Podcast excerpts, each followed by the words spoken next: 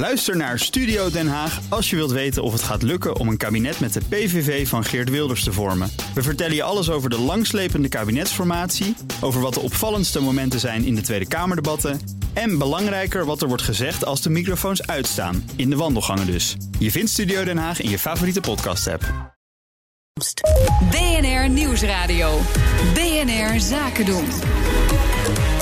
Thomas van Zeil. Er is toch weer voorzichtig optimisme over de Europese economie. En de strijd tegen klimaatverandering zet economische groei wellicht wel onder druk. Moeten we die groei dan maar opgeven? Hier is het economenpanel bestaande uit Luc Abe, hoofdeconoom bij Van Landschot Bankiers. Esther Barendrecht, hoofd Rabo Research Nederland. En Hans Stegeman, Head of Research and Investment Strategy bij Triodos. En mijn zakenpartner is Katja Berkhout, start-up en innovatie-expert. Welkom allen. Goedemiddag. Het was hier de laatste weken soms ook wat pessimistisch. Er zou misschien wel een recessie aankomen. En nu zijn er cijfers naar buiten gekomen afgelopen vrijdag, waardoor dat beeld een klein beetje lijkt te veranderen. Dit zijn de cijfers waar het over gaat. Het aantal werklozen in Duitsland daalt in november. De problemen in de Duitse industrie werken dus nog niet door naar de arbeidsmarkt. De inflatie die is wat opgelopen in de eurozone. En er is ook herstel van het vertrouwenscijfer van de Europese Unie. Ik heb, moet ik jullie meteen erbij zeggen, al gesproken met uh, Kees de Kort. Die had het dus- over de PMI's van vandaag. Ja, maar die had het ook over inderdaad. Uh, ja, het is maar net hoe je het allemaal uitlegt. Hè. Word je misschien uh, iets minder somber of noem je dat optimisme? Hans, aangezien jij al het woord genomen had, ja. volledig terecht. Wat zou jij zeggen? Um, het, het, nou, ik heb Kees Kort niet gehoord, maar ik, ik kan me zo voorstellen wat hij gezegd van, heeft. Er is een podcast van. Ja we wennen natuurlijk aan slecht nieuws. Dit zat al redelijk in de verwachtingen al een tijdje. Het bodemt een beetje uit, maar als we naar alle voorspellingen kijken dan wordt het ook niet echt een schrikbarende opleving. En sterker nog, de, de kans dat we aan een inflatiedoelstelling van ECB e gaan voldoen volgend jaar, dat schatten ze zelf ook niet zo heel groot in. Dus eigenlijk niet zo heel veel nieuws. Uh, ja, het valt deze keer een beetje mee. Uh, vandaag valt het weer. Nou, de PMI's waren oké voor Nederland wel het laagste sinds tien jaar volgens mij. Als Die industriecijfers. Ja, ja. Uh, ja, ik, nee, ja, het is meer van hetzelfde. Dus of ik nou hier nou veel positiever van... Ik word er ook niet negatief van. We hebben nog tien minuten om dit helemaal uit te pluizen, Hans. Ja, nou. maar jij zegt het is meer van hetzelfde. Ja, en, en dat, het, het geeft weinig richting. Hè. En dat zien we natuurlijk al een tijdje van uh, na het snel naar beneden gaan van de markten of, of van, van de economische verwachtingen. Zien we eigenlijk dat de markten daar eigenlijk zich al een hele tijd niks van aantrekken. Wat natuurlijk op zich al uh, vrij. Uh, zorgwekkend, zorgwekkend, is. is. Uh, en dat is natuurlijk meteen het hoe het monetaire beleid daar tussendoor speelt. Terwijl er eigenlijk niks aan de hand is, uh, wordt toch weer een, een enorm stimulans, of vrij ja. weinig aan de hand is. Er knikt hier iemand nee vrij weinig aan de hand is, wordt het toch enorm gestimuleerd. En uh, dat, dat maakt mij nog het meeste zorgen. Nee, ma markten hebben inderdaad, of markten weerspiegelen dat nog niet. Aandelenmarkten wel. Hè. Die, uh, die, uh, als je naar de aandelenbeurzen kijkt, die zijn tamelijk optimistisch de voorbije maanden of weken. Ja. Uh, ondersteund door dat monetaire beleid, ja. maar ook door hoop op, op snellere groei. Hè. En er zijn wat zwaluwen die misschien een nieuwe zomer aankondigen. Ja, maar ik zijn ze wit of zwart, Luc? Kun, sorry? Zijn ze wit of zwart? Nee, maar het kunnen ook dode mussen blijken oh. te zijn. er is er net dat, eentje dat, neergeschoten volgens, door Trump volgens mij, een van die, van die zwaluwen. Was dat geen kreeg? Nee, nee, die, nee de, de, okay, tarieven gaan weer omhoog. Nee, precies. En daar, daar, hangen we, daar hangen we voor belangrijke mate vanaf. Hè. Kijk, normaal gezien, de politiek heeft invloed hè, op de economie, op bedrijfscijfers. Maar heel vaak overschatten op korte termijn beleggers die invloed. Hè. Ondernemingen die gaan gewoon lekker door. Maar deze dagen hang je wel heel sterk af van, van de politiek. Dus of die, die, die zwaluwen al dan niet dode mussen blijken te zijn, of effectief witte uh, of, of zwarte zwaluwen. Ja, dat, dat, dat, dat is een stuk. Dat, dat, is een stuk, ja, precies. Dat is een stuk ja, koffiedik kijken. Nu, net omdat je een heel binaire situatie hebt. Handelsoorlog gaat goed, dan komen die, die, die vogeltjes wel door. Handelsoorlog gaat niet goed, ja, dan gaan we terug naar af wellicht. Esther. Ja, nee, ik denk ook, het is fijn dat er zwaluwen vliegen, maar ze vliegen best laag. Dus we gaan dit panel binnenkort omdopen. het vogelaars... Uh, ja, vogels. ja. Ja. Nee, um, ik zie ook niet, uh, niet opeens heel veel reden voor uh, optimisme. Ik denk uh, dat we nog best een lastig jaar tegemoet zullen zien volgend jaar. We moeten het in de eurozone echt hebben van de binnenlandse dynamiek. Ja. En inderdaad, als je dan weer zo'n uh, handelsoorlogberichtje hoort binnenkomen, dan denk je, oh ja, daar gaan we weer. Nou, je, je denkt inderdaad, daar gaan we weer. Overmorgen komt er weer een bericht dat er goed gesproken is en dat ze elkaar Precies. naderen. Dus dat kan zowel goed als slecht uitpakken, toch? Ja, maar je ziet dus niet een fundamentele oplossing uh, nu opeens uh, verschijnen. Hè? Dus die, die handelsperikelen die blijven gewoon bij ons.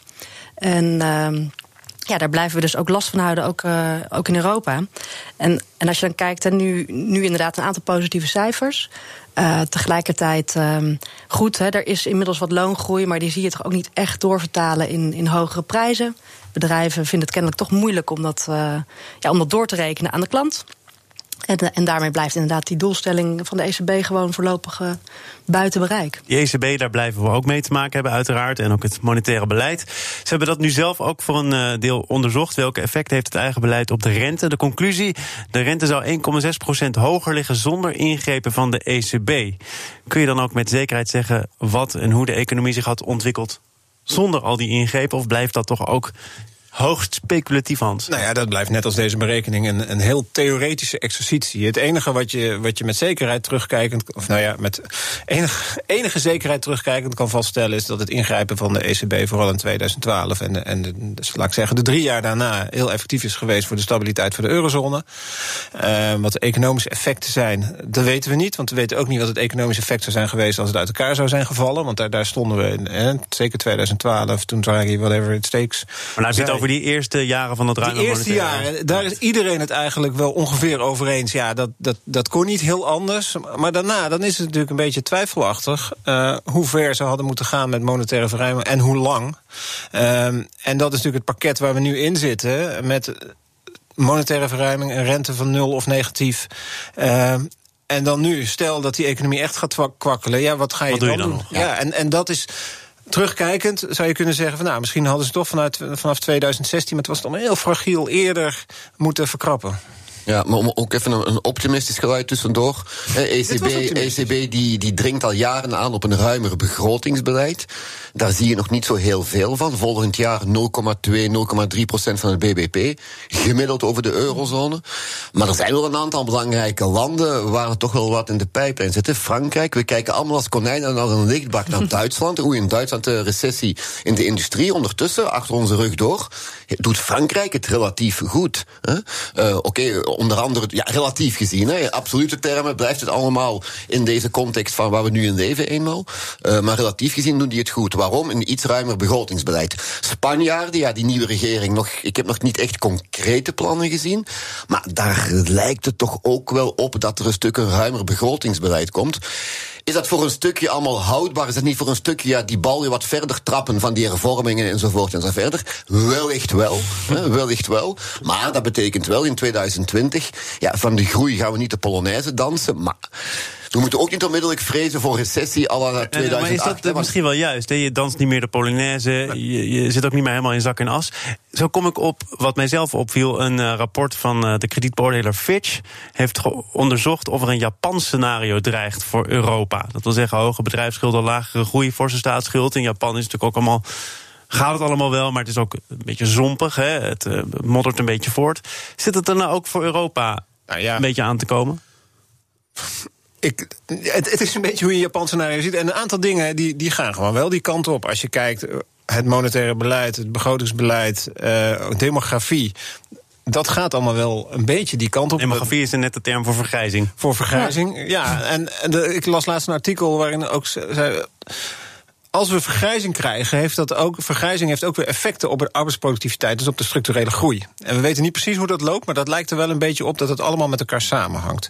Nou, als je, als je dat soort statistieken naast elkaar legt, je vergelijkt met, met Japan, waar natuurlijk ook een heleboel verschillen zijn. Ja, eh, om het heel simpel te zeggen, wij weten ook niet hoe dit anders moet hoe we dat uh, begrotingsbeleid kunnen uh, hoe we die schulden omlaag kunnen brengen, hoe we het monetair beleid kunnen normaliseren en hoe we iets van groei krijgen op dus de dan ga je Japan achterna. Ja, met alle verschillen van dien, ja. Esther, met alle verschillen van dien? Ja, nee, ik denk uh, eens. Uh, er zijn parallellen en er zijn verschillen. Um, maar die demografie is inderdaad iets wat we ja, voor Nederland natuurlijk ook echt zien aankomen. En voor Duitsland nog veel harder. Dus de noodzaak om ja, iets te doen om je groei op een hoger pad te krijgen. Hè, omdat je het uit je arbeidsaanbod niet automatisch meer krijgt.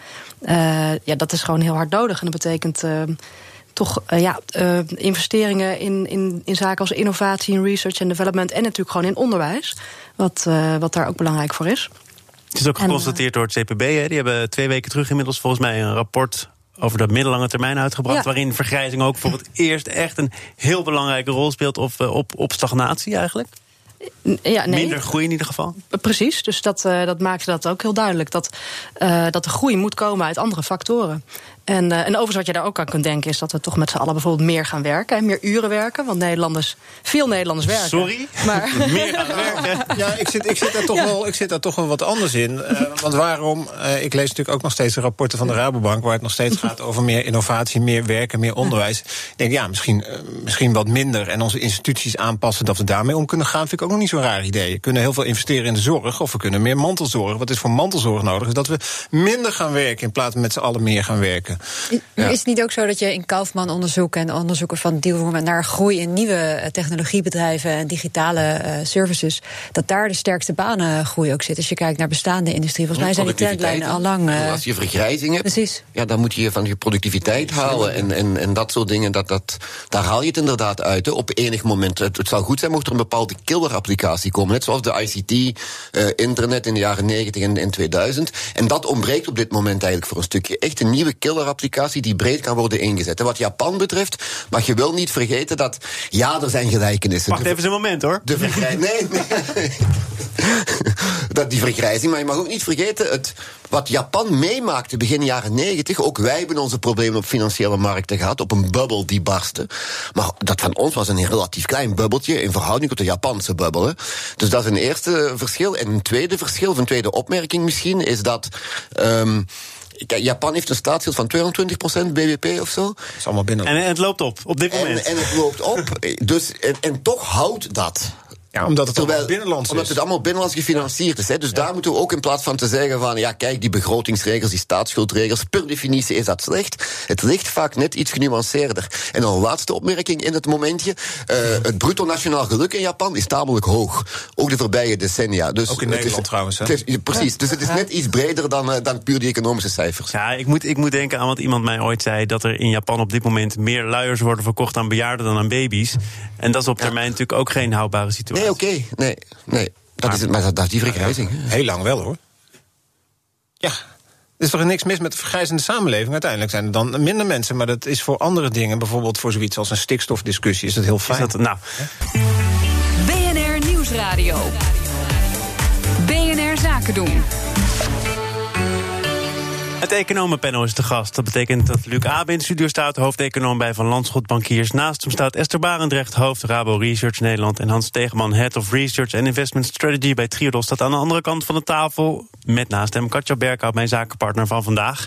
Vele wereldleiders hebben zich verzameld in Madrid, waar de klimaattop wordt gehouden. En daar wordt gesproken over de strijd tegen klimaatverandering. En juist die klimaatmaatregelen die zetten economische groei wellicht verder onder druk. Of is dat een valse tegenstelling, Hans? Ik weet het eerlijk gezegd niet.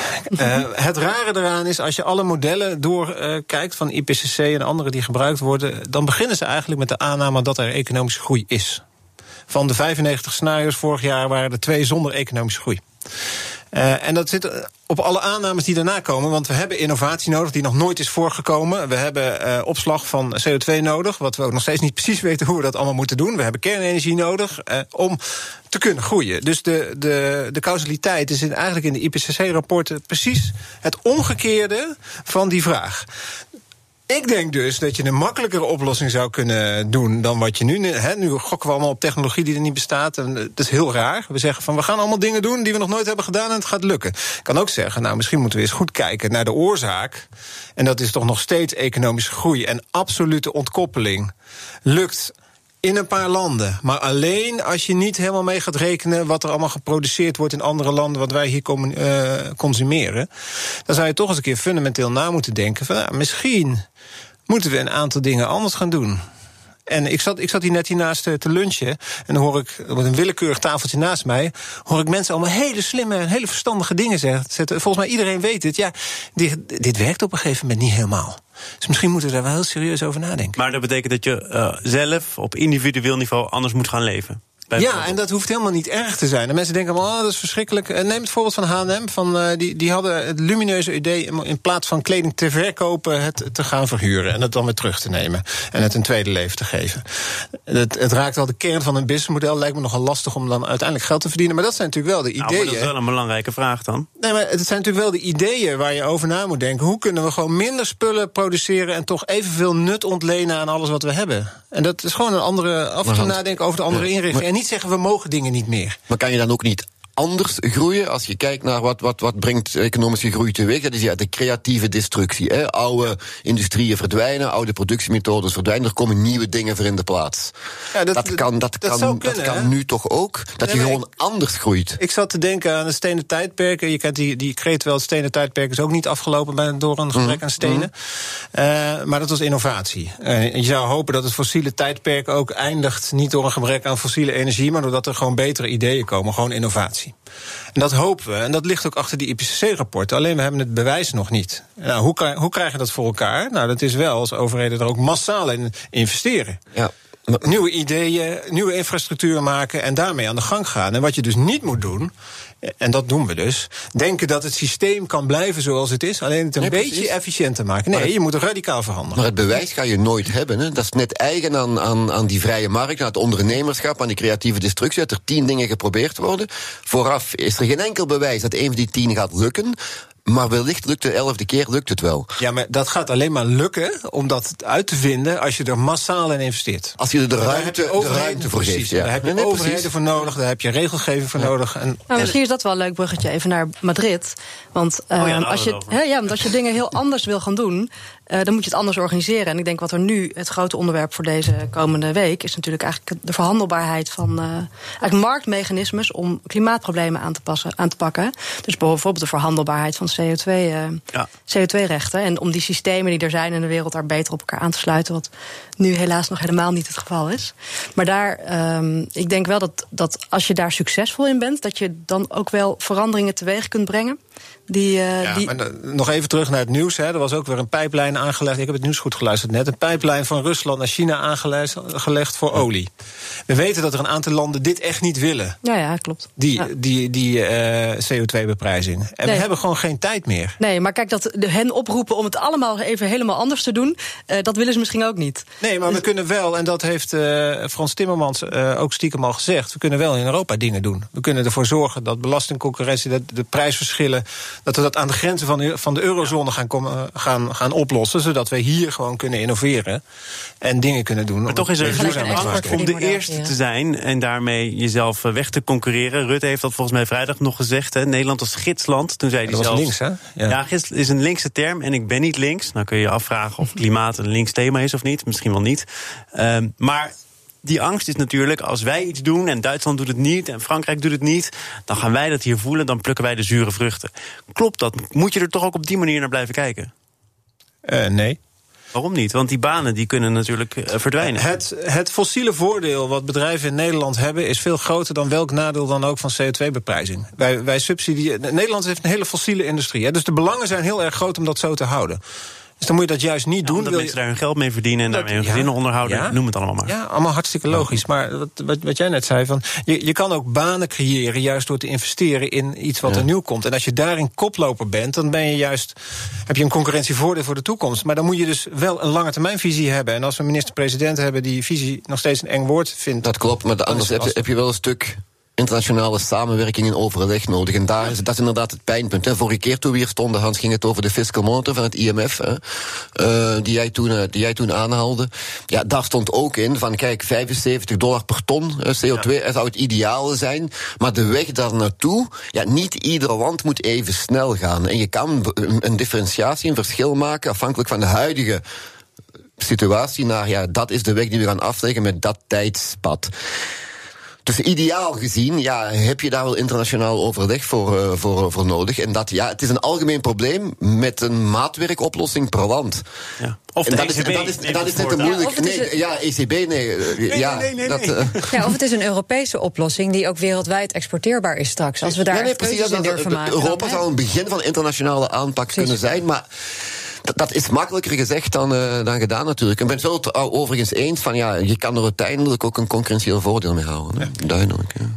Esther, we gaan tot slot naar een uh, wat meer Nederlands probleem, namelijk de Nederlandse arbeidsmarkt. De ZZP-plannen van Wouter Koolmees die zijn uh, ik denk door bijna niemand echt enthousiast ontvangen. Sociale partners zijn er niet blij mee. De oppositie heeft al gezegd, nou, je kunt het wel doorzetten... maar reken er maar niet op dat dit door de Kamer komt. Uh, en nu heeft Koolmees wel gezegd, ik zet door. Dit is zo belangrijk, het moet nu gebeuren. Snap je dat? Ja, ik snap het wel. Dat wil zeggen, um, kijk, volgens mij zat de kritiek heel erg op de uitvoerbaarheid. En dan moet je denk ik altijd goed naar luisteren, hè, wat het veld vindt van uitvoerbaarheid. Overigens, um, ik denk dan dat het vooral heel erg belangrijk is om te luisteren naar wat ZZP'ers vinden van die uitvoerbaarheid. Um, het gaat om zowel minimumtarief aan de onderkant als ZZP'ers die veel verdienen per uur. Ja. Uh, dus aan beide kanten uh, moet iets worden versleuteld nog. Precies. En um, kijk, een van, die, een van de lastige dingen als je een minimumtarief uh, invoert. He, heel veel ZZP'ers die rekenen helemaal niet hun, hun, uh, doen helemaal niet hun offerte per uur. Maar die zeggen gewoon, joh, ik bouw een website voor je en dat kost zoveel. En als ze dan vervolgens achteraf daar uh, meer uren aan hebben gewerkt dan ze hadden gedacht, dan zouden ze onder zo'n minimumtarief kunnen vallen. En dan moet je dat achteraf weer ja, kunnen verantwoorden of corrigeren of wat dan ook. Dus dat, dat zal vast allemaal heel erg lastig zijn. Maar ik denk. Um, in de kern is het denk ik wel um, goed om um, om zo'n minimumtarief in te voeren. Omdat het een oplossing kan zijn van een van de problemen die we eigenlijk in onze gedualiseerde arbeidsmarkt zeg maar, hebben. En dat is een van die problemen. Is gewoon dat een aantal. Hè, er bestaat een groep uh, zelfstandigen die um, ja, daar gewoon niet van kunnen rondkomen. Omdat ze eigenlijk mm -hmm. ja, geen goede uh, concurrent, hoe noem je dat? Geen goede marktmachtpositie hebben. Kan dat wel bij uh, 16 euro per uur? Nou, um, uh, ik, ik, uh, ik zou het er zelf liever uh, niet voor, voor willen doen. Maar het is allicht beter dan 8 euro per uur. Ja. Is het risico niet ook dat die 16 euro per uur categorie ook nog eens een keer heel veel extra administratieve lasten krijgt, waardoor de relatieve prijs per uur nog weer verder daalt? Want dat is ook volgens mij wat je nu leest in de plannen. Ja, nou, er zit wel, als ik het goed begrepen heb, eigenlijk de veronderstelling in dat mensen dus een deel van hun tijd ook kwijt zijn gewoon aan acquisitie en natuurlijk de administratie die altijd hoort bij een bestaan ondernemer. Hè. Um, maar, uh, maar nogmaals, het is natuurlijk niet de bedoeling dat je administratieve lasten door nieuwe regels weer enorm gaan stijgen. Dus lijkt me goed om daarnaar te kijken. Uh, tegelijkertijd, ja, uh, nogmaals, ik denk dus wel dat wij in Nederland.